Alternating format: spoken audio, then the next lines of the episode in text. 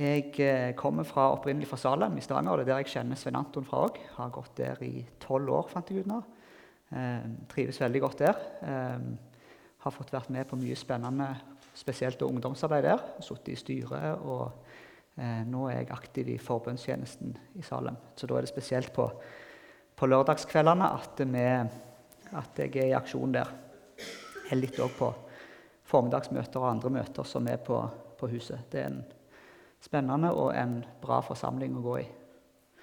Så jeg har, eh, og Det var Svein Anton som var ungdomsleder der når jeg begynte i, begynte i Salem. Og jeg fikk et veldig sånn, god mottakelse og hadde et veldig bra samarbeid med han. og jeg synes det var kjekt når han da ringte og utfordra meg til å tale her. Det er ikke så veldig ofte jeg gjør det, men sånn iblant så har jeg en tale litt i Salem og litt av og til andre plasser. Så det er kjekt å bli utfordra. Og Eh, spesielt så merker jeg at det å sitte og jobbe med en tekst det gir meg veldig mye sjøl òg. Du må reflektere over det som står, og søke en del kilder. Og, og, du får et helt spesielt forhold til det du sitter og forbereder når en skal holde en tale. Så, eh, så jeg synes det er, Selv om jeg ikke gjør det så veldig ofte, så syns jeg det er en kjekk utfordring å få, og det, det gir meg veldig mye. Ellers så er jeg fra Randaberg, født og oppvokst der. Eh, var også aktiv i ungdomsarbeid der når jeg fra konfirmanttida og oppover. Ungdomsforening og konfirmantleder har jeg vært. Eh, det var òg en veldig fin plass å, å, vokse opp. Det er et veldig bra ungdomsarbeid på Randaberg. Til daglig så jobber jeg i eh, flybransjen, eller et helikopterselskap på Sola. Jeg er personalsjef der. Begynte der i februar i år og har tidligere jobba i et annet offshoreselskap. Utdanna jurist og har fordypa meg i arbeidsrett, så det er det som er min eh, mitt spesialfelt og det jeg jobber mest med nå. Så jeg er veldig glad i å jobbe med folk. Veldig glad i folk, Syns det er en spennende det å utvikle folk og ledelse og det som, som har med, med, med, folk og ressurser å gjøre. Det, det, er den viktigste ressursen vi har i arbeidslivet. Det er folka. Bor på Hinna. Der har jeg også bodd vel omtrent siden jeg begynte i Salem. tror jeg, siste tolv år. Flytta inn i 2003. Så det er midt, midt mellom Stavanger og Sandnes. Her så har jeg vært et par ganger på spor, men det er en stund siden nå. Så, så det var kjekt å komme tilbake. Før jeg eh, begynner selve talen, så vil jeg bare be kort. Kjære far, takk for den stunden vi har nå. Takk for eh, det vi hørte i teksten. At du leder, at du er barmhjertig, at eh, du eh, viser vei både dag og natt. Takk at vi kan få hvile i det. Takk at du har sagt vi ikke skal bekymre oss. Og hjelp oss, Herre, til å leve i det hver dag. Og til å nettopp bli bedre og bedre til å stole på deg og til å leve i dine løfter. Og nettopp til å ikke bekymre oss, sånn som du har sagt i ditt ord. Så ber jeg om at du må ta vekk det som er mitt eget, og at det må bli ditt ord som forkynnes. Velsign denne stunden. Amen. Jeg vil eh, begynne selve talen med å stille et spørsmål. Eh, og det er hva er den mest vanlige oppfordringen vi finner i Bibelen? Vi kjenner Jesu ord om at det største budet i loven er at du skal elske Herren din Gud av hele din sjel og av all din forstand. Og et annet bud er like stort. Du skal elske det neste som deg sjøl. Men selv om kjærlighet og godhet er essensielt i Bibelen, så er ikke det den vanligste formaningen i åndelige sammenhenger så tales det også om hovmod som rota til menneskets fall. Men heller ikke det å unngå stolthet eller å bli ydmyk er de imperativene som går mest igjen i Bibelen. Selv om det òg er viktig å, å være ydmyk og, eh, å jobbe med å være en ydmyk person. Hva med å bevare sin renhet og integritet? Selv om det òg er viktige kvaliteter og egenskaper, så er det heller ikke det Bibelen sier mest om.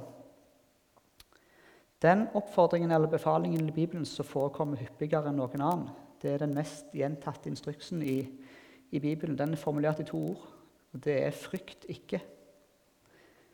Eh, når jeg skulle forberede meg, så tok jeg utgangspunkt i Matteus 6, 24-34 som dagens prekentekst. Og Så så jeg litt fram og tilbake at det var, det var Nehemia som er, egentlig er prekenteksten. Den som Kjersti leste til å begynne med. Og Det tredje skriftstedet denne søndagen det står i Hebreerne 13, eh, 5-6. Jeg eh, vil forsøke å legge eh, legge vekt på essensen i alle tre skriftstedene, fordi at det er en rød tråd i alle de. Men jeg vil begynne med å lese fra Matteus 6, 24-34.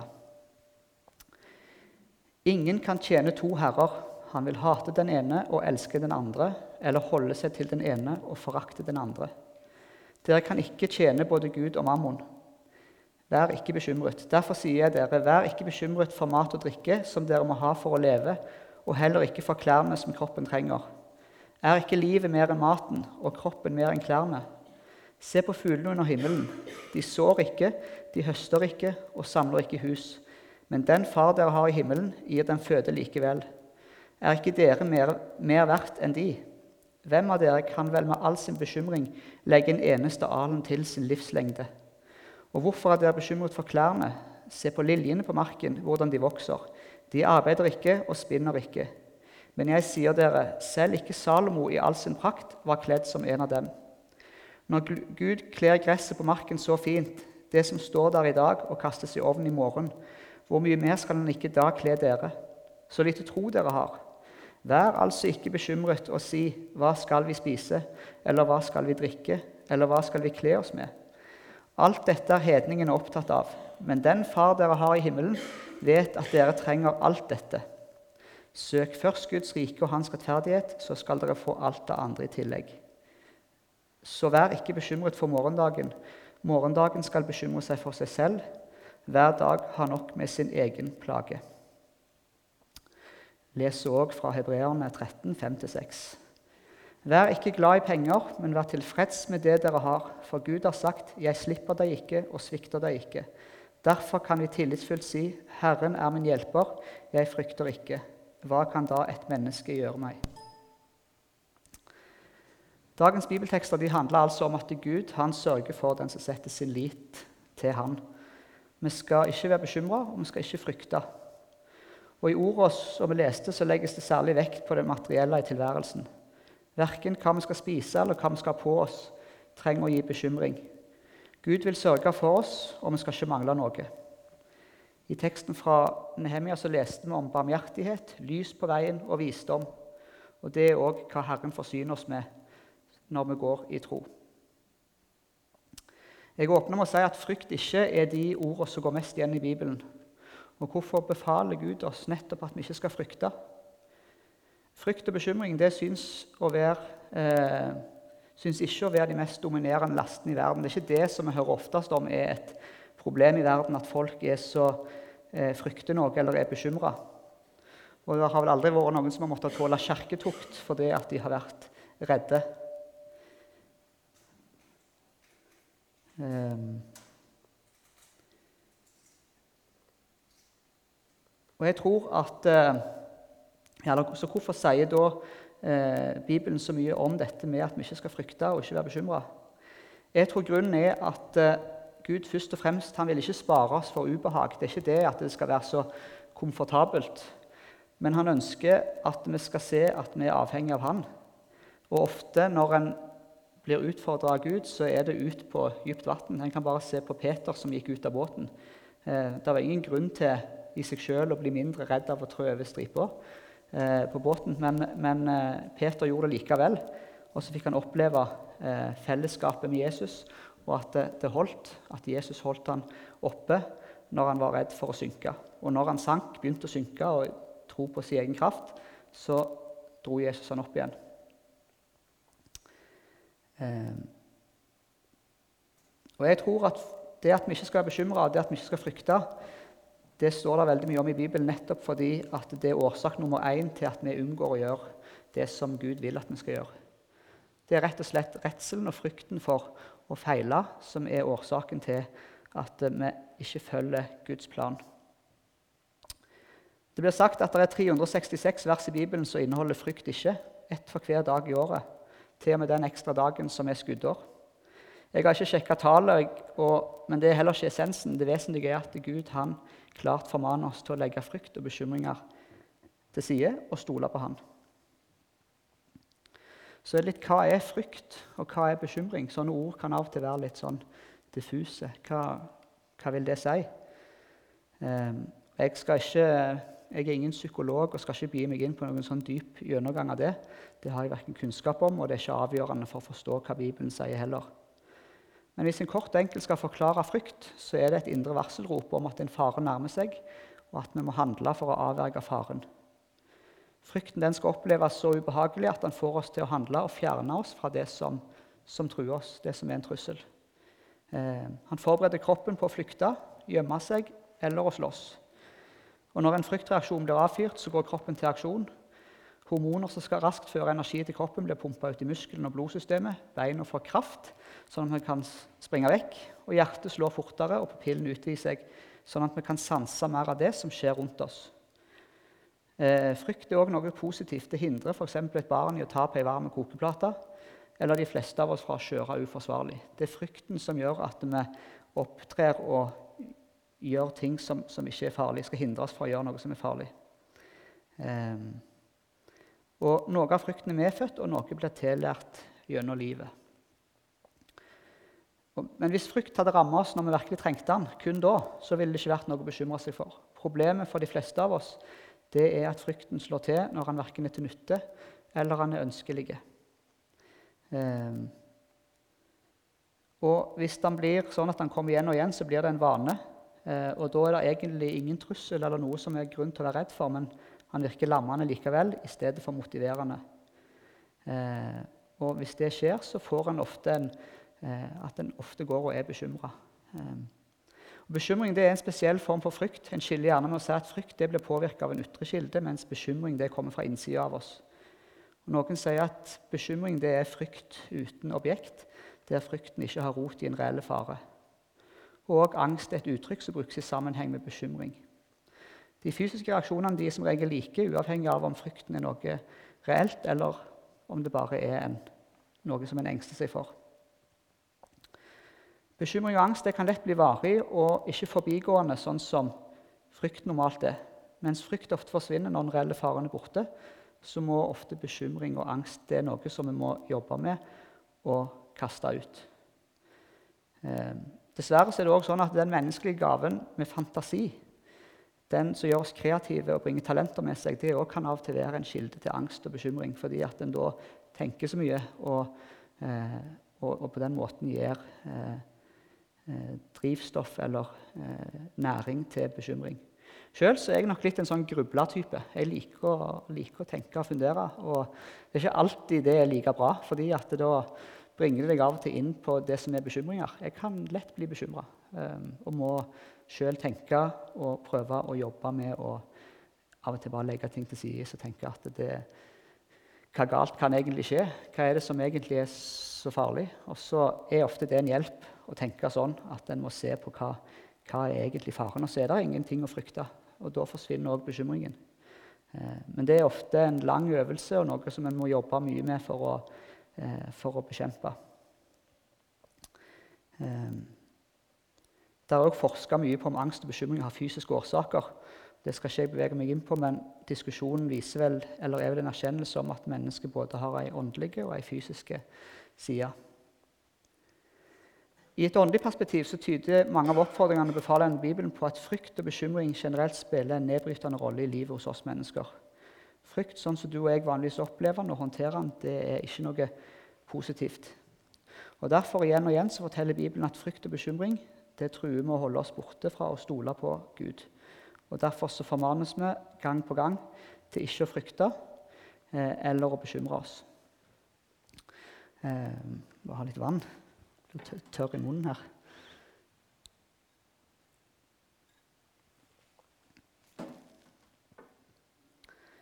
Ehm, det å frykte, det har, eller når, når, Bibelen sier at vi ikke skal frykte, så er det fordi at, eh, eller å være bekymra, så er det fordi at det har, en, det har en kostnad. Vi går glipp av noe eh, når vi er bekymra. For å bruke et lite bilde. Et barn står på bassengkanten og er fullt klar over at det å slenge seg uti vannet det innebærer at han eller hun må stole på sin far eller mor, som står klar til å ta imot. Og Det kan både bli kaldt og skremmende første gang. Men å ikke hoppe det har òg en pris.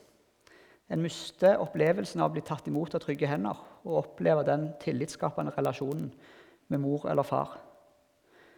Å leve med frykt og bekymring det medfører at vi ikke tar del i de velsignelsene og den omsorgen som Gud gir oss løfter om i de bibelversene som, som vi nettopp leste.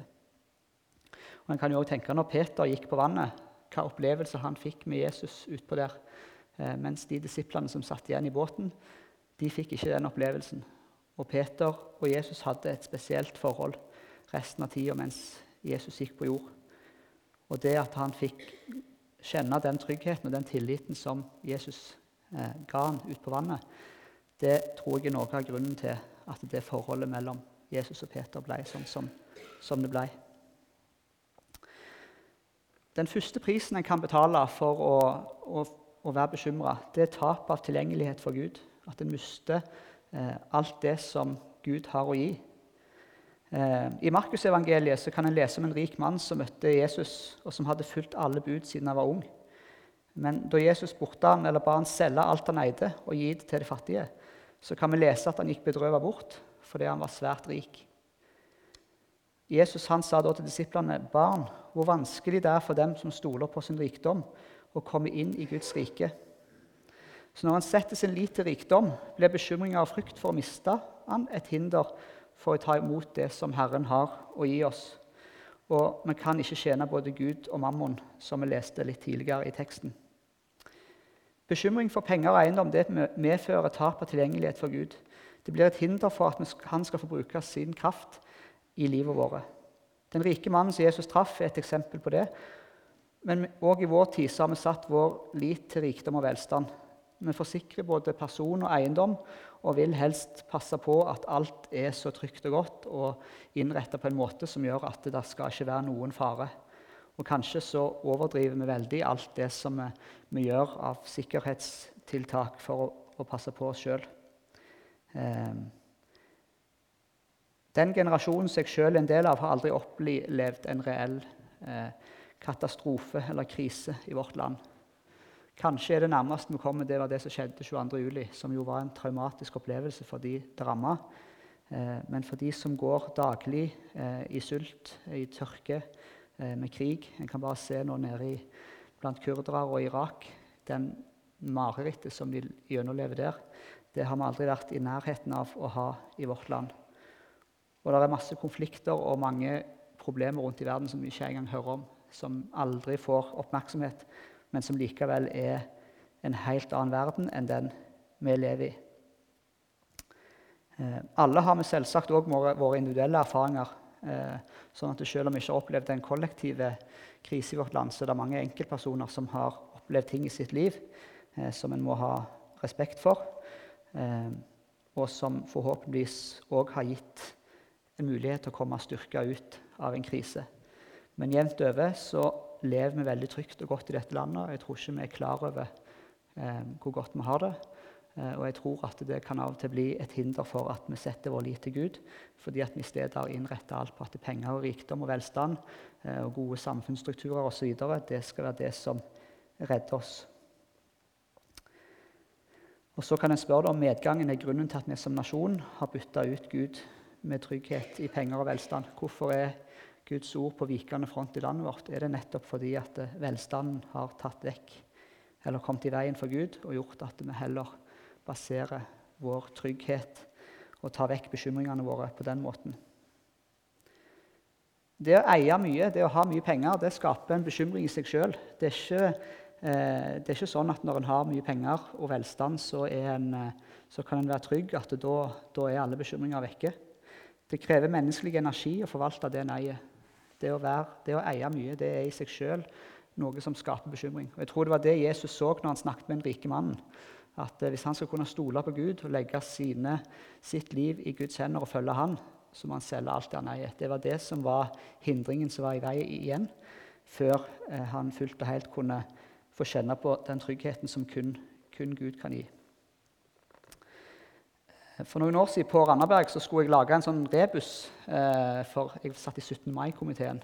Og Så var jeg rundt forbi og skulle lage rebus. Og Så var jeg på en gård eh, og satt og prata en stund der med en bonde som har gjort det veldig bra. Han var veldig flink, driftig, eh, veldig bra eh, og energisk person. Og Så sa han det til meg, at, for jeg visste jo at det, det gikk veldig godt for drifta hans. Og så sa han at det kan fra utsida se veldig sånn kjekt ut og flott ut at det, at det, går så godt her på bruket. Eh, og, og, han var jo veldig engasjert i det han holdt på med. Men han sa òg at eh, men det skaper ganske mye bekymring òg. Jeg har driftsbygninger, jeg har folk som går her og jobber. Eh, jeg har stor eiendom, og det krever òg desto høyere ansvar for alt det jeg eier. Og nettopp forvalte det på en god måte. Jeg bruker mye tid jeg bruker mye krefter på nettopp å forvalte både de ansatte som går her, bygningene og marka og avlingene og alt som skal gjøres. Og det tar enorm energi. Sånn at det å, det å være rik og velstående og det å ha fått det til, det er ikke alltid eh, bare en, en, dans på roser. Det skaper òg en avhengighet, og du blir sittende fast i det. Og det gjør at eh, avhengigheten til Gud og fokuset på Gud i det hele tatt, det kan bli, komme i bakgrunnen. Og I vår tid så har vi både hus, og hytte og båt. Vi har gjerne flere biler. Eh, jeg for min del ser at eiendom og materielle goder det tar fokuset bort fra Gud og det han ønsker å gi. En blir påvirka av det en ser rundt oss, her i, spesielt i de områdene vi lever i her, eh, av all velstand. Sto på torget på onsdag og så fyrverkeri etter oljemessa og ser hvor enormt mye velstand som er i omløp, og hvor, hvor mye ressurser vi har.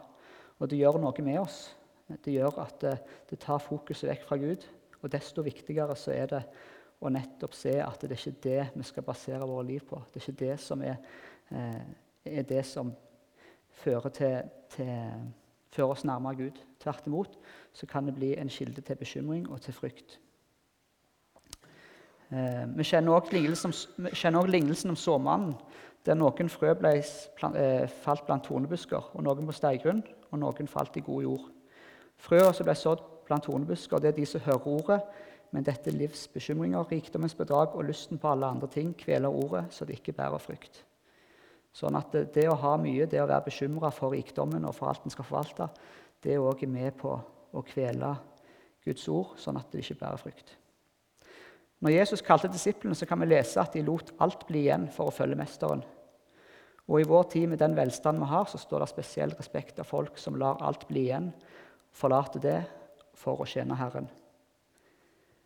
Bekymringer for klær, hva vi skal ha på oss, mat vi skal spise, kan gjøre at vi taper Guds uendelige omsorg av syne, og da taper vi tilgjengelighet av Gud.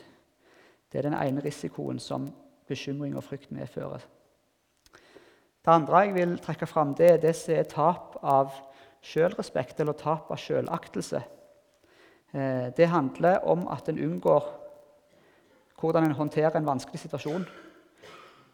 Når en står overfor en vanskelig situasjon, så kan en enten nærme seg og gå til handling og konfrontere, eller en kan unngå, vike unna og springe og gjemme seg. Og En må alltid vurdere hva som er klokt i hvert tilfelle. Men hvis en går til handling, så opplever en ofte òg en bølge av glede. Selv om det ikke går så bra, så kommer en over en, kneik og ser at det, en, den utfordringen en sto overfor, den vokste en på. Eh, men går en utenom, så må en lære eller hvis en går utenom en vanskelig situasjon, så vil han med seg sjøl vite at noe som, han gikk utenom noe som var vanskelig. Jeg valgte den letteste veien. Og Det kan fort svekke sjøltilliten og sjølaktelsen når vi over tid unngår det som er vondt og vanskelig. Hvis vi tar utfordringen, så vil det bygge opp kjernen av den en er, selv om en aldri opptrer feilfritt. Så når jeg var rundt 25, så jeg nevnte jo det med 17. mai-komiteen. Jeg har vært veldig aktiv i politikk, spesielt på Randaberg. Og når jeg var 25, så begynte jeg å satse veldig. Og samtidig så var det en litt sånn sårbar fase, fordi en går fra å være ungdom til voksen. Um, og en del av de utfordringene som kom da, de var litt sånn overveldende. Um, og jeg var ikke en sånn type som egentlig var så veldig glad i å snakke i store forsamlinger på det tidspunktet. Jeg hadde ikke så mye erfaring med det, og jeg heiv meg litt utpå. Eh, fordi at eh, det var vel ikke noe å bekymre seg for.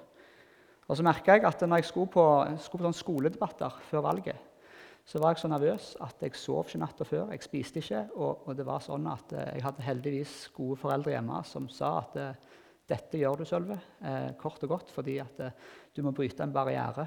Du er nødt til å møte den utfordringen med å mestre den. Ellers risikerer du at du ikke du ikke klarer det. Det var en veldig kamp, uh, fordi at uh, det var et mye lengre skritt å gå enn jeg trodde. Men jeg hadde heldigvis god oppbakking hjemme som, uh, med noen som sa at du, du, du, må, hvis du har valgt dette, så må du hoppe uti det, og så vil du merke at det vokser du på. Selv om det kan oppleves skremmende og smertefullt. Det har vært en god erfaring og noe som jeg har kunnet leve med videre og ta med meg. En var skikkelig utenfor komfortsonen, men kjente at det, det skjer ikke noe farlig. Det er ikke noe grunn til å engste seg. Uh, du kan trygt stå framme i en forsamling og snakke, og så skjer det ingenting. Ingen som kommer opp fra salen og hopper på deg. Um, og så så jeg etter hvert at det gikk jo bra. Og så er ikke det en bekymring lenger, eller noe en frykter. Da kan en gå på med frisk mot. Og så kan en søke nye utfordringer og nye kneiker å komme over. Jeg har jobbet på flyplass i mange år og har sett mange voksne, kraftige, tøffe menn som har stått og holdt seg i åpningen på flydøra, om de skal gå inn eller ikke. Og det, det, det er høyst reelt. Det er fryktelig å, å, å, kjenne på en sånn en angst eller fobi for å fly òg. Eh, men ofte så er det når en har gjort det noen ganger, så, så blir det en vane, og så ser en at det går jo godt. Og så er det òg ei kneik å komme over, selv om det kan være et banalt bilde. Så Fellesnevneren er at vi vokser som mennesker på å møte en handling som en egentlig er bekymra eller engstelig for. Så utfordringen er hvorfor ikke utføre et tillits- eller troseksperiment denne uken. Når du ønsker å gå utenom, så hold stand og gå på i stedet. Hva med å ta ansvar for en vanskelig avgjørelse som du har utsatt? Ta en telefonsamtale du har prøvd å unngå. Bekjenne overfor Gud i bønn ei synd du har prøvd å skjule. Be om hjelp til å bli forandra og si det til et annet menneske. Når du gjør det, så vil du kjenne at du blir sterkere innvendig. Og Der er det hver enkelt av oss må se sine bøyger, sine kneiker. Og så tror jeg at det å legge, eh, eller forsøke å legge angsten og bekymringen til side og gå nettopp på, det tror jeg noen vokser på, og en da styrker sin egen sjølrespekt og egen aktelse. Det tredje som jeg vil trekke fram, det er at bekymring det gjør også at vi taper av syne målene våre for livet. Hvis bekymringen får stå i veien for de målene som er satt for oss, så blir det òg en pris å betale. Eh, hvis en lever i frykt, så kommer en aldri til å oppleve det potensialet som Gud har lagt ned i oss. Vekst det innebærer alltid risiko, og risiko det innebærer frykt.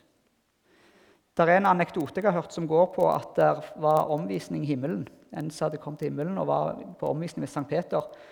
Og så var han litt nysgjerrig på hvem der oppe er det som har de største talegavene på jorda. Hvem her oppe i himmelen er det som, som var den største taleren på jorda? Og så pekte St. Peter jo, han, han sitter der borte. Og han var helt ukjent. Ja, han brukte aldri de talegavene han hadde fått. Og Det kan illustrere litt at eh, vi har, tale, vi har, fått noen gaver fra Gud som han vil at vi skal bruke. Eh, og det å være bekymra eller redd det kan ofte være et hinder for at vi nettopp bruker dem. Og Her så vil jeg si at menighetene har et stort ansvar for å oppmuntre folk i forsamlingen til å være frimodige med de nådegavene de er tildelt. Noen ganger så trenger en utenforstående til å se hva talenter en har. Rett og slett å bli spurt.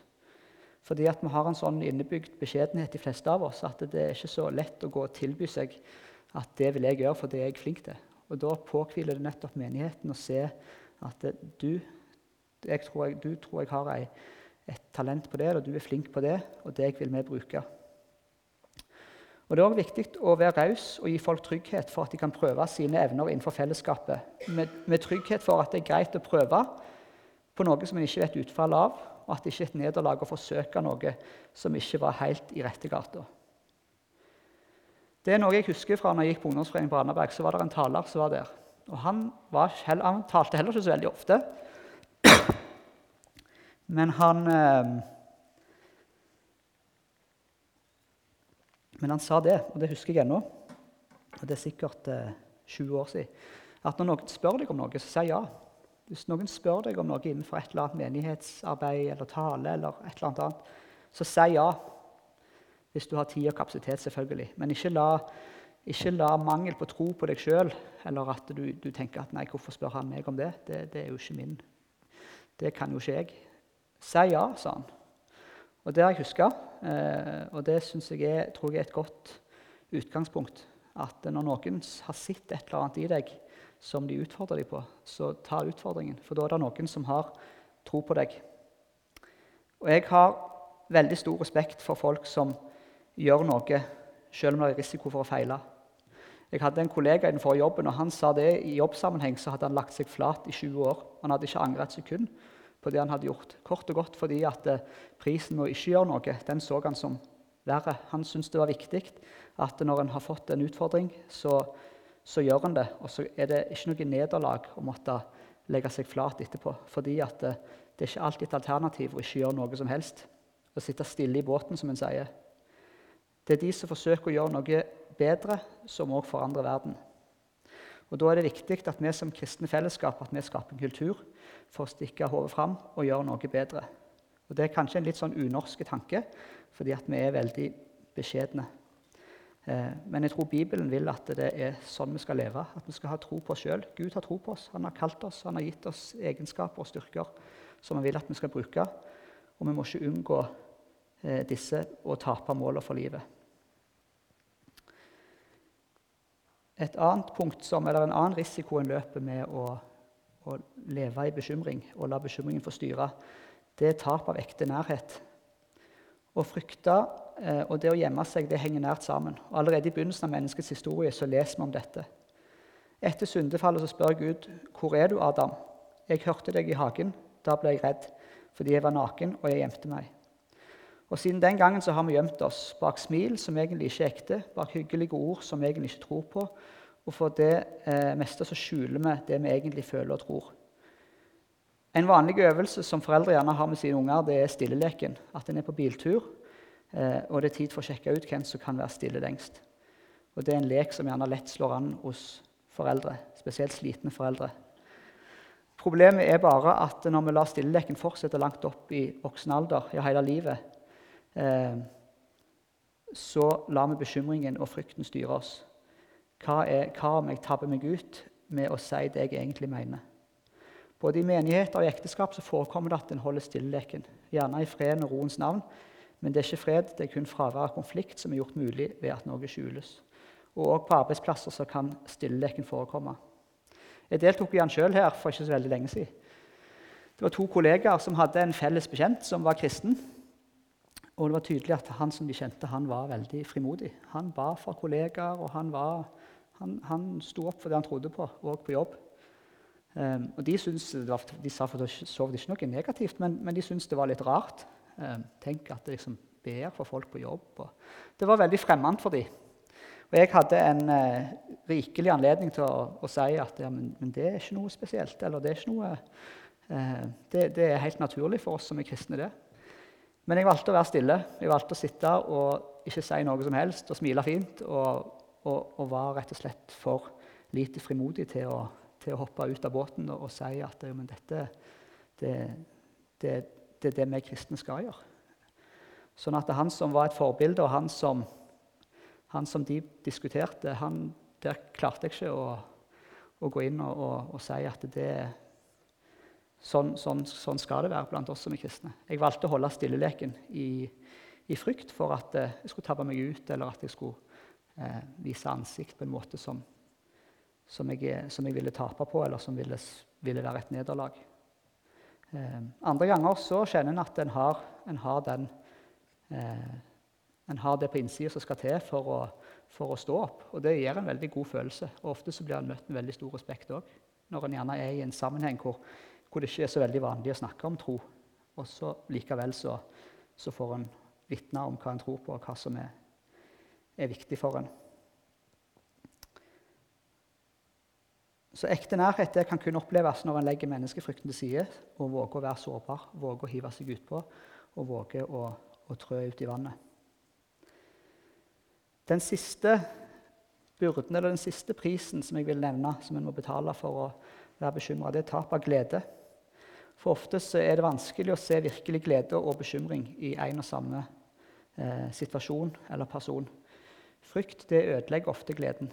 Ofte kan bekymringer komme av at en får katastrofetanker. Hva om det skjer noe galt? Hva om vi kommer ut fra en ulykke? Hva om? Og sånn kan det fortsette i det uendelige. Eh, og spesielt jeg som sier jeg er en grubler, jeg kan fort tenke sånn, og så må jeg bare hente meg inn og si at det, eh, det, skjer ikke. Det går bra. Og faktisk så vil det aller meste som vi bekymrer oss for, det vil aldri inntreffe. Men når en lever med et framtidsperspektiv fullt av bekymring, så gis disse tingene makt til å frarøve oss livet her og nå.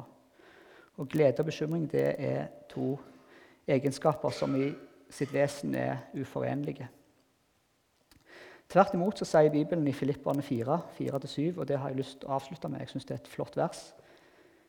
Gled dere i Herren alltid. Igjen vil jeg si gled dere. La alle mennesker få merke at dere er vennlige. Herren er nær. Vær ikke bekymret for noe, men la alt som ligger der på hjertet, komme fram for Gud i bønn og påkallelse med takk.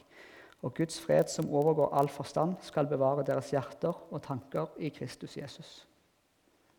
Amen.